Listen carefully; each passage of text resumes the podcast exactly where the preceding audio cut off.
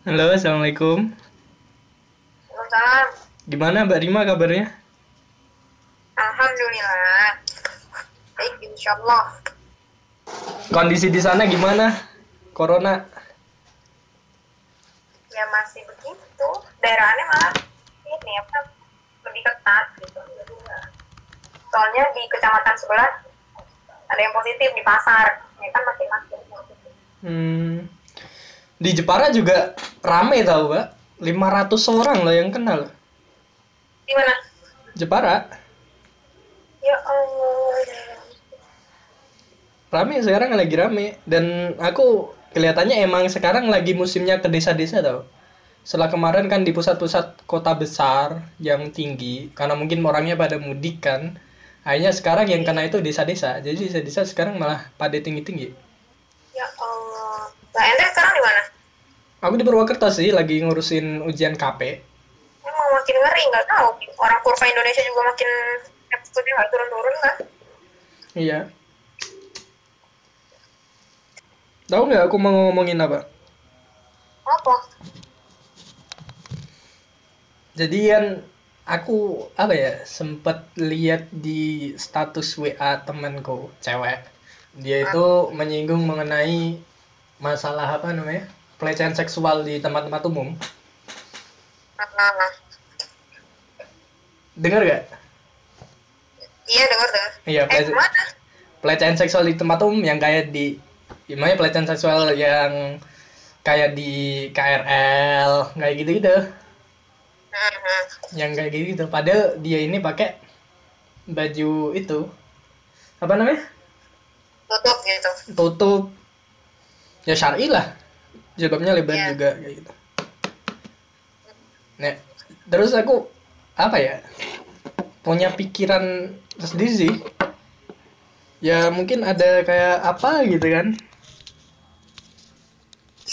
kayak ya punya pikiran sendiri yang masih belum terjawab lah kayak gitu tapi ntar aku keluarinnya Yo. Yuk, ya, ya, ya, ya. Terus sebenarnya ini, Ya. Gimana? Ini nih ceritanya. Ya udah, itu menurut Mbak Tari, eh Mbak Tari lagi. Mbak, Mbak Rima dulu kira-kira gimana tuh mengenai pelecehan seksual dulu deh secara umum yang terjadi di Indonesia, bahkan mungkin di pendidikan, perguruan tinggi, atau mungkin justru Mbak Rima pernah merasakannya Hmm. juga kayak gitu. Ya kalau ini sih alhamdulillah enggak ya. Kalau misalkan tentang pelecehan seksualnya, ya pertama dari mental kan pasti. Udah dilihatnya dari mental dulu dong, pelaku mental pelaku itu seperti apa.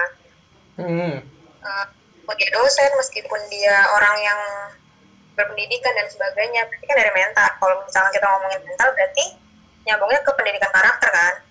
iya, iya, Gimana iya. nih pernah Hmm, pendidikan karakternya gitu, dari eh, sekolah ataupun yang terkecil di keluarga ya, hal-hal kayak gitu nah terus kan kalau misalkan ngomongin pendidikan eh kalau misalkan ngomongin keluarga, berarti balik lagi nah, ada nggak sih pendidikan seksual di keluarga itu kan eh, sekarang-sekarang masih dianggap mudah pendidikan seksual padahal hal itu perlu Oke. dilakukan eh, gini gini, tertarik sama pendidikan karakter nih. Terus kenapa Eh, mungkin kan Mbak Rima kan memang tipikal-tipikal orang yang dekat sama Tuhan lah ya. Agamanya Iya, kenceng Allah. kayak gitu. Keterkaitan sama pendidikan karakter dan agama tuh apa sih sebenarnya? ya sebenarnya kalau misal ya maksudnya pendidikan karakter itu berkaitan erat sama agama lah kan agama mengatur semuanya kan ya? Hmm. Iya. nah ya udah berarti ya termasuk di situ maksudnya pendidikan agama pendidikan karakter pokoknya mengarah ke perilaku baik terpuji dan sebagainya dan sebagainya itu sebenarnya udah ada kan di sekolah. Terus kalau pendapat Mbak Rima diubahnya pendidikan pendidikan agama di sekolah-sekolah terus dirubah menjadi pendidikan karakter atau budi pekerti gimana? Kan sempat ada wacana kayak gitu tuh. Iya. Nah, aneh sih sebenarnya di- kenapa nggak tahu sih nggak tahu alasan kenapa harus dirubah dan seperti apa dirubahnya. Ya gitu. walaupun hanya wacana lah ya kita membicarakan wacana gitu bukan sebuah yang Ya. sudah terjadi. Sama sekali nggak ada pendidikan agama dalam artian ya menafikan gitu loh kayak ya udahlah debate nggak usah bawa-bawa agama sama sekali atau gimana kalau misalkan kalau misalkan wacananya benar-benar nggak ngebawa agama ya nggak sepakat dong masa agama apalagi Indonesia kan apa sih Pancasila pertama ketuhanan ya otomatis itu harus dibawa lah di ranah pendidikan orang pendidikan yang menyokong masa depan negara ya kan ya otomatis nggak sepakat kalau misalkan benar-benar dipisahkan antara eh, agama sama sekolah atau enggak sama karakter itu gitu sih Hmm. Oke. Terus lanjut lagi tuh sama yang tadi, yang pendidikan seksual. ya udah sebenarnya mentalnya tadi kan mental apa namanya mental orang-orangnya. Tapi emang itu terlalu jauh sih ya. Maksudnya kita nggak bisa mengontrol perilaku orang kan.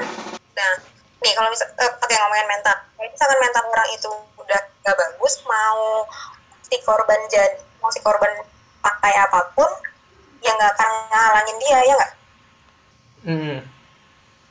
Nah, kalau misalkan mentalnya nggak bagus, terus nggak ada lingkungan yang memperbaiki, nggak ada lingkungan yang mengingatkan, atau enggak misalkan nggak ada, misalkan si pelaku itu udah melakukan ke beberapa korban, tapi korban itu sama sekali nggak nggak nggak apa ya, ya nggak bersuara gitu loh. Kalau misalkan orang ini pernah melakukan ini, otomatis siapa yang dengerin? Nggak ada juga kan. Tapi gimana pun yang pelaku tetap salah, gitu. Jadi kalau tuntutannya mah ya udah emang pelakunya aja yang salah kayak gitu. Mm-mm. Jadi kalau Mbak Rima kan melihatnya lebih ke arah pelaku terus ya, dalam artian persepsinya menuju ke pelaku aja gitu. Tapi yang aku pikirin beda tau. Kan sebenarnya pelecehan seksual itu booming kan baru sekarang-sekarang ya. Aku ngerasainnya gitu loh. Yang bener booming gitu. loh. Bahkan aku buka Facebook gitu kan, scroll-scroll ada orang-orang bercerita mengenai dia dilecehkan di tempat umum dan yang lainnya gitu Ya, tapi apa ya dari korban sendiri pun kok aku ngerasa bahwa yang vokal saat ini itu adalah perempuan-perempuan yang pakai baju syari kayak gitu aku melihatnya untuk saat ini itu yang banyak bersuara justru orang-orang yang pakai jilbab lebar terus berapa namanya bergamis hmm, dan yang jadi korban ya. Enggak, yang keluar-keluar. Aku yakin sebenarnya yang jadi korban bukan hanya kaum-kaum yang ini, yang berjilbab lebar dan yang lainnya. Aku yakin malah justru lebih banyak yang bukan apa namanya, yang nggak pakai baju syari pasti lebih banyak yang merasakan itu. Tapi untuk Ah. saat ini yang keluar-keluar justru aku melihatnya malah lebih banyak yang itu, yang pakai baju syari. Oke, terus Nah itu kira-kira kenapa tuh kok kayak gitu sih? kenapa yang banyak berbicara itu orang-orang yang syar'i daripada yang enggak? Hmm, Kenapa ya? Sebenarnya sih kalau misalkan kita nilainya dari berpakaian, eh nggak tahu sih ya, maksudnya itu cuma sebagian kecil aja gitu loh. Bisa jadi emang orang-orang yang berpakaian syar'i ini latar belakang keilmuannya paham gitu dibandingkan orang-orang yang tidak ngerti nggak maksudnya? hmm, Nah, jadi kalau misalkan kita ngenilainya cuma dari pakaian, kenapa ya? Nggak paham sih aneh, maksudnya nggak paham kenapa bisa.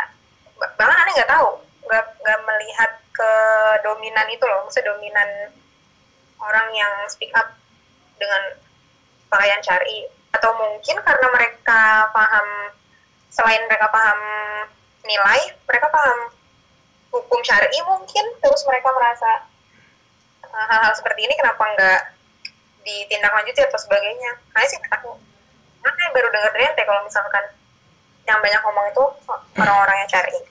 Iya, yang justru yang gini, aku baca itu justru yang banyak banyak nanggepin atau yang banyak yang bercerita mengenai pelecehan seksual di tempat umum ini justru malah orang-orang yang apa tertutup itu gitu. Soalnya dia cerita bahwa saya pakai celana panjang kayak gitu, terus juga eh, baju yang sampai selutut gitu, tapi masih aja dilecehin di tempat umum kayak gitu. Gara-gara itu aku mikir apa coba, Mbak? apa Mungkin cukup apa ya?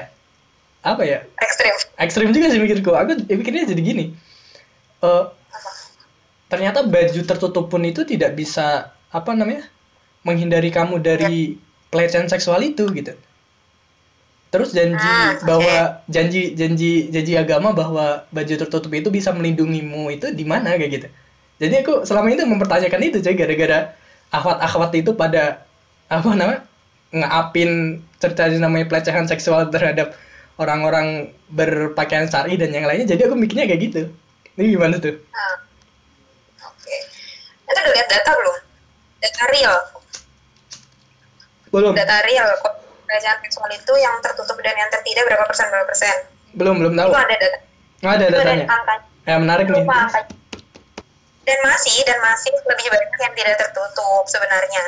Mm-mm. Cuma ya kita nggak bisa menafikan nggak ada ya, nggak ada orang-orang yang berpakaian syari yang dilecehkan. Angkanya masih jauh, masih jauh. Kira-kira berapa itu kalau nggak salah hmm, berpakaian itu sekitar 17% dibandingkan yang 17% atau 7% lupa angka 7 pokoknya. Nah yang nggak tertutup yang lebih banyak dari itu kayak gitu. Hmm, berarti yang Iya, ber- jadi- berpakaian syari itu mengalami pelecehan seksual itu hanya sekitar 7 atau 17% itu tadi ya. Ah, iya. Dan sisanya terutama yang tidak berpakaian syari tadi. Iya, lebih banyak dong kayak gitu kan. Nah, sebenarnya pemikiran-pemikiran kayak gitu udah sering dilontarkan sama orang-orang yang eh, apa ya, sama orang-orang yang nggak menerima kalau misalkan dia dijudge pakaiannya sih ter- terbuka dan sebagainya itu udah sering di udah sering disuarakan. Mereka bilang nggak ngaruh kok Nah, eh, pro- hmm, tertutup atau enggak orang sama-sama dilecehkan ya benar sih cuma kalau misalkan kita lihat presentasi angka kalau mau eh, argumen eh kalau mau data lawan, lawan data ya sebenarnya lebih banyak orang-orang yang tidak tertutup yang dilecehkan Mm-mm. gitu. soalnya aku mikirnya dari kemarin kayak gitu. Betapa gara-gara di up-nya orang-orang pakaian sari terus dia bercerita apa namanya? Dilecehkan dan yang lainnya. Aku takutnya masyarakat umum ini berpikir bahwa apa? Ternyata pakaian sari pun tidak menjamin kayak gitu. Padahal dari data tadi sudah kita ketahui ya, Pak. Kalau yang berpakaian syari hanya 17 dan yang selebihnya itu yang tidak berpakaian syari kayak gitu. Wih keren sih. iya kayak gitu Alhamdulillah dapat alhamdulillah Mbak Rima ngomong data kayak gini. Jadi pemikiranku yang agak ekstrim tadi bisa luntur kayak gitu kan. iya sebenarnya argumen kayak gitu sering juga dipakai sama teman-teman yang nggak menerima aja gitu kalau dijudge dari pakaian kalau di dari pakaian padahal ya pakaian tuh ter ya sebenarnya tuh penasaran sih pengen pengen naik ke pengen nanya gitu ke laki-laki cuman ya pengen buat kuesioner atau apalah kayak gitu Nanya aja aku aku laki-laki kok. iya mak sebenarnya menurut laki-laki itu kan nanti cuma satu dari sekian banyak menurut laki-laki itu pakaian atau visual visual perempuan itu berpengaruh nggak sih gitu kalau selama ini kan kita lewat pandangan perempuan terus kan coba deh Hmm. eh, lewat pandangan itu sendiri gitu mereka tuh gimana sih Ya asik nih. Dari nih aku coba mewakili cowok ya. Kalau misalkan tidak ini tidak bisa kalau misalkan Iya, nanti iya. ada cowok yang tidak menerima dengan pendapatku ya, ya udah ini berarti pendapatku pribadi kayak gitu. ya Soalnya aku melihat itu orang kan punya apa ketertarikannya masing-masing ya, Mbak ya. betul. Apa fetis apa ya? Orang itu punya ketertarikan untuk merangsang dirinya itu masing-masing kayak gitu. Dan aku melihat memang ada orang itu yang mempunyai ketertarikan dengan apa namanya? Orang-orang yang tertutup tertutup. Justru aku melihat Oke. beberapa laki-laki itu kayak gitu. Kayak misalkan lagi ngobrol kayak gitu kan, aku diem aja nih. Terus tiba-tiba dia ngomong-ngomongin tentang wanita yang tertutup kayak gitu. Berarti kan dia tertariknya memang sama yang itu kayak gitu. Hmm, oke. Iya sih, kalau misalnya kita ngomongin ketertarikan pasti ya beda-beda pasti beda-beda. Terus terus gimana? Nah, terus aku pernah baca di komen Facebook juga karena aku memang aktifnya di Facebook ya daripada IG ya. Lebih parah kayak gini coba ada yang komen kayak gini juga. Kalau aku melihat wanita tertutup itu eh, rasanya apa? Gairah gairah seksualku itu meningkat kayak gitu. Itu yang ngomong di Facebook ya bukan aku ya Ya, oke. gairah seksualku meningkat dan aku pengen ya istilahnya kayak melecehkan dia gitu. Aku dalam artian anjir ada orang yang kayak gini gitu. Begitu frontalnya dan dia berani mengatakan itu di Facebook loh cuy kocak banget gak sih? Jadi sebenarnya nah dari itu aku juga melihat sebenarnya ya sama-sama bisa jadi sasaran sebenarnya orang yang tertutup dan juga yang terbuka gitu. Eh, iya sih cuma sebenarnya ya itu mungkin ya ada kali ya beberapa orang yang kayak gitu. Bahkan tahu gak sih yang komunitas apa sih yang orang tuh sempat buat komunitas ngumpulin perempuan ber- bercadar bercadar loh. Hah? laki-laki. Apa lagi? Ya pokoknya ada lah. Komunitas laki-laki yang ngumpulin foto perempuan-perempuan bercadar. Iya. Misalnya apa misalnya atau berjilbab panjang lah itu bener-bener parah sih. Bahkan kalau misalkan sorry ya sorry ya. Sorry banget nih. Nah. Bahkan dulu Ustadz Amar Risalah pun pernah bilang kan bahwa hmm, apa namanya wanita tertutup pun wanita yang berpakaian syari pun itu ada peminatnya. Karena sebenarnya mau punya ke laki-laki tuh dengan bentuk kuesioner atau apa pun itu cuma ya belum terlaksana juga. Iya maksudnya banyak faktor gitu ya. aneh juga belum pernah membaca penelitian atau apa sih nyari sebenarnya alasan mereka apa gitu loh maksud dan emang bener ya emang bisa ya kayak gitu loh. Terus gini. Hmm. eh Mbak sepakat gak sih sama ini? Kayak misalkan nih banyak orang yang mengalami pelecehan seksual ya dan dia itu sadar gitu. Tapi Iya. dia malah menerima gitu. Jadi cewek dilecehkan dilecehkan oleh seorang pria tapi dia malah menerima itu gimana tuh? Menerima tuh maksudnya ya udah fine fine aja. Merasa gak dilecehkan. Padahal dia tahu gitu. Kan kalau pernah dengar pelecehan pelecehan seksual itu bukan hanya sekedar tindakan ya. Tapi juga hmm. kata-kata pun bisa menjadi sebuah pelecehan seksual kan? Nah aku melihat dan ada yang dan aku melihat banyak wanita yang saat dilecehkan mengalami pengelecehan seksual secara verbal atau kata-kata itu dia fine fine aja kayak gitu. Nah hal-hal ya kalau misalkan balik lagi sih itu persepsi kan. Mungkin dia nggak tahu kalau itu ternyata pelecehan pertama. Dan tadi kan nanti bilang ya udah dia fine fine aja jadi ya udah. Padahal eh, harusnya hal-hal kayak gitu nggak dibiarkan ya entah itu kayak apa sih biasanya catcalling gitu, panggil dan sebagainya. Kan ada orang yang ngerasa perempuan ya yang digituin ada yang bisa merasa nyaman ada yang langsung ngomel-ngomel ada juga yang senang dengan hal itu kayak ya itu yang terakhir itu sering juga tuh ngeliat ya. ah ih gue diperhatiin ih gue di apain lah kayak gitu dengan catcalling itu nah ya sebenarnya balik lagi ke persepsi sih dan itu masuknya kayak edukasi sebenarnya hal itu nggak dibiarin gitu soalnya kalau misalnya dibiarin ya bisa jadi lebih lebih lagi kan gitu.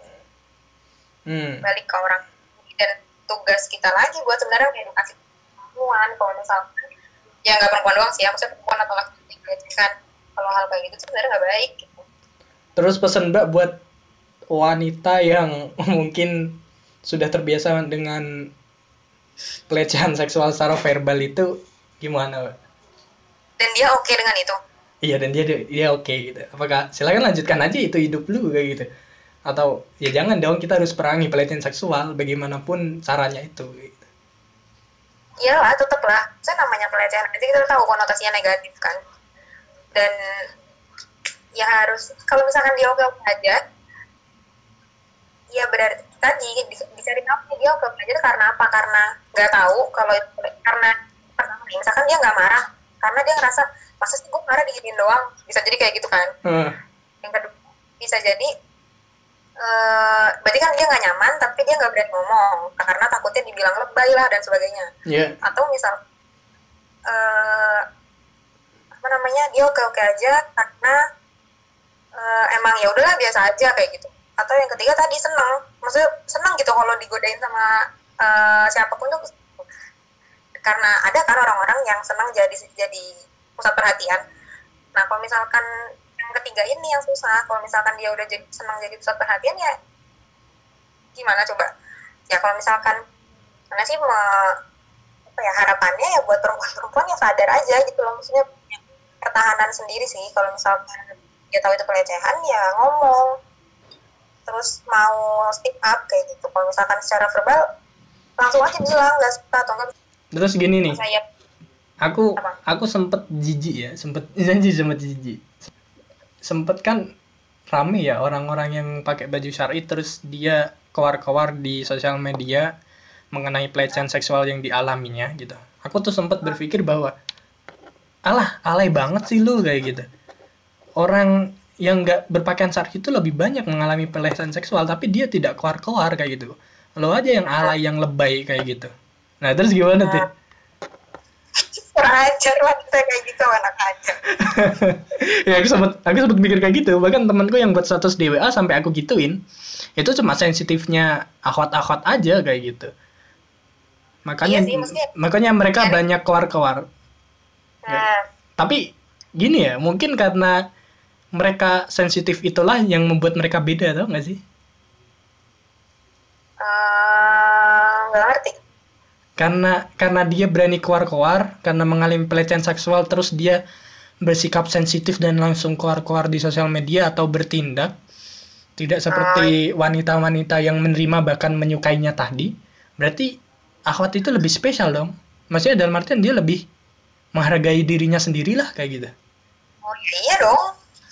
Bener nah dari pilihan dia untuk menutup dirinya sendiri aja dia udah menghargai diri dia sendiri ya nggak? Yoi nah ya benar iya benar. Dan pas mereka mau speak up ya berarti bagus dong gitu. Ya. Se- tentang apa pun itu pe- pelecehan seksualnya. Ya aku menyadari bagus baru sekarang gitu. Setelah ngomong sama Berima awalnya aku merasa mereka alay aja kayak gitu. Lebay banget sih kayak gitu. Nah coba bayangin ente punya adik perempuan diem aja. Kan iya iya sih gak rela sih gue sih. Harus ngomong. Oke oke. Kamu terus gini nih pernah denger juga kalimat yang ini? Kalau misalkan percuma lah kita memberdayakan perempuan gitu kan membela Hmm. membela hak perempuan. Tapi tidak ada yang itu yang laki-laki tidak ada pencerdasan kepada laki-laki kayak gitu.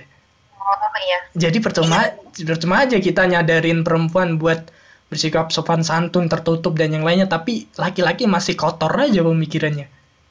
Gimana Jadi tuh?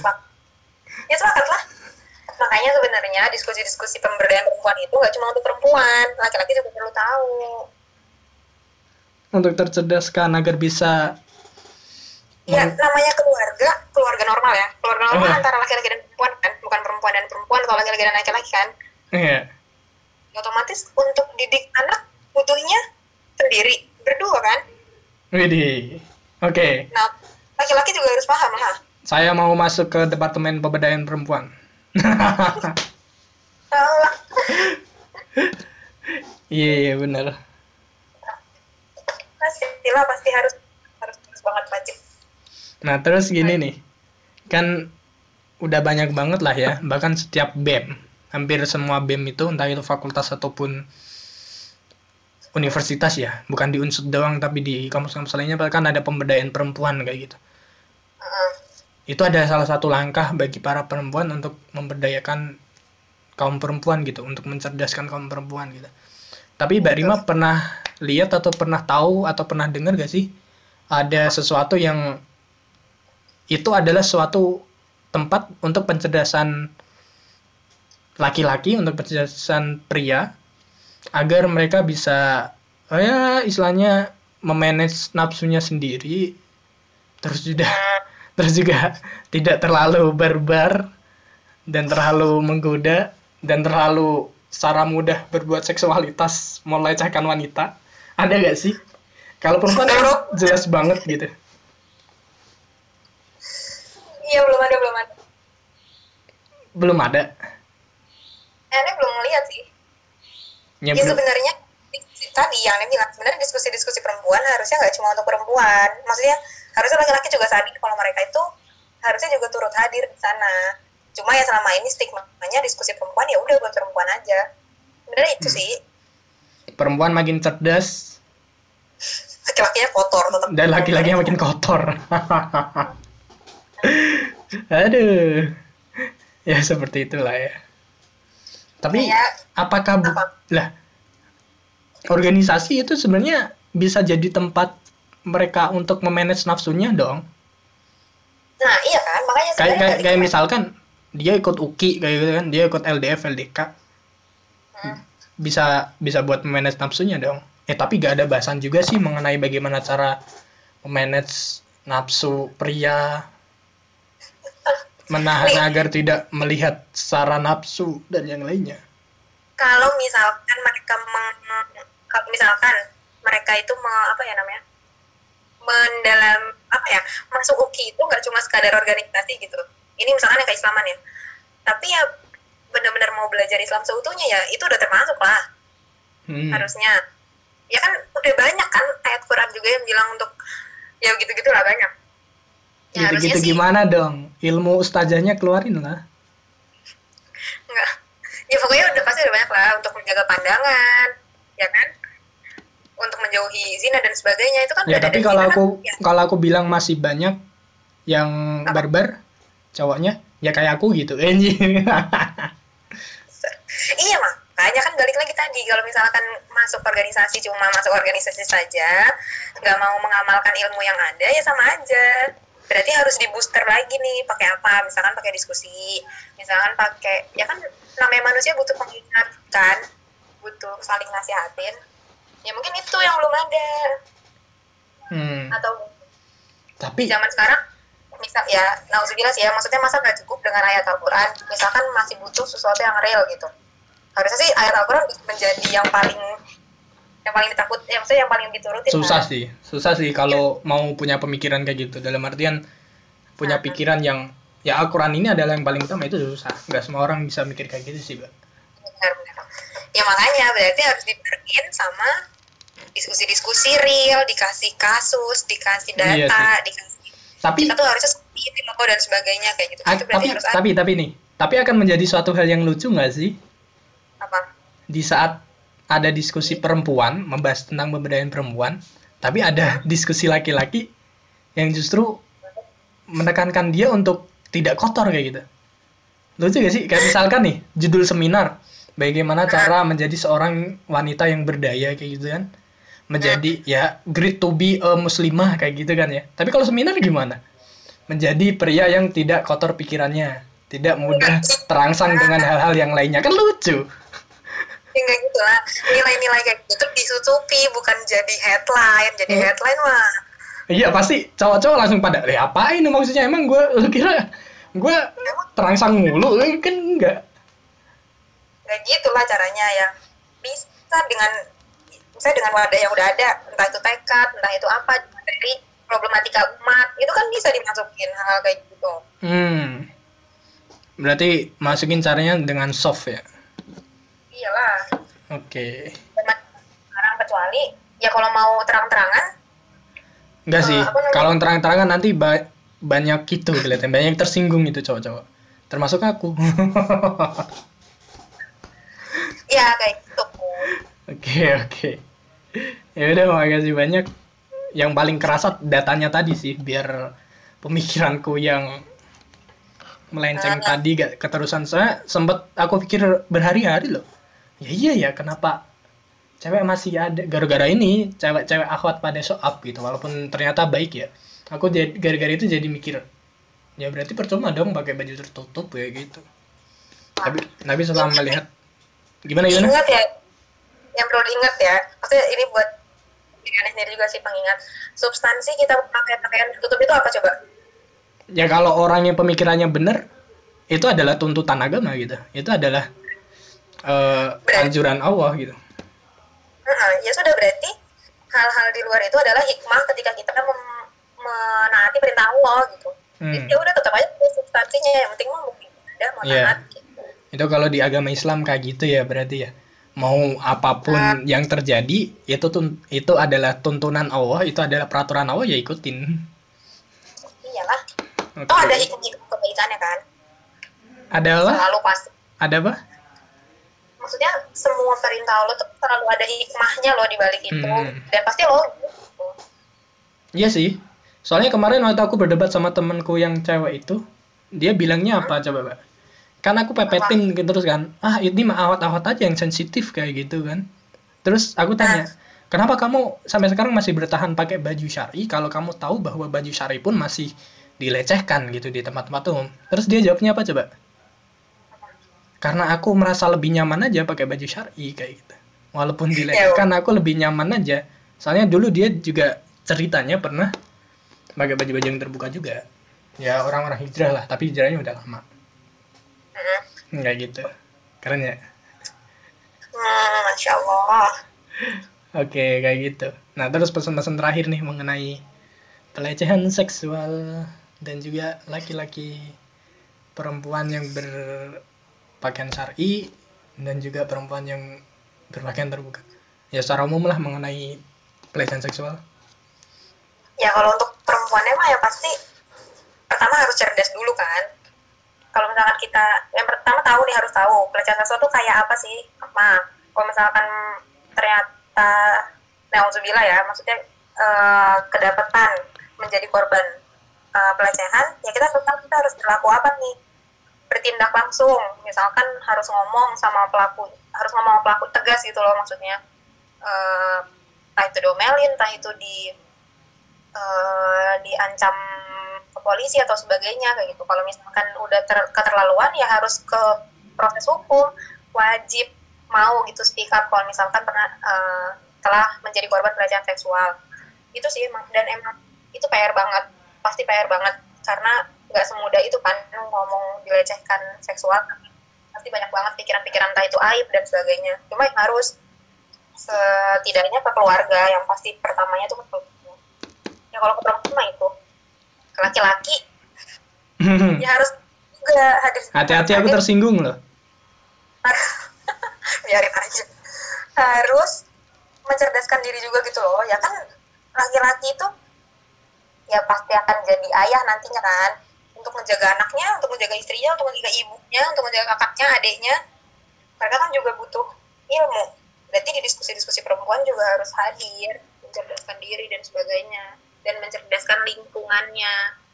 Teman-temannya nih yang kotor juga diingetin. aku juga kotor kok mbak aku tidak sesuci itu Ya kalau merasa kotor berarti harus dibersihin lah. iya nah. aja ya ntar aku mandi ntar aku mandi santai Tuh. Nah itu doang paling.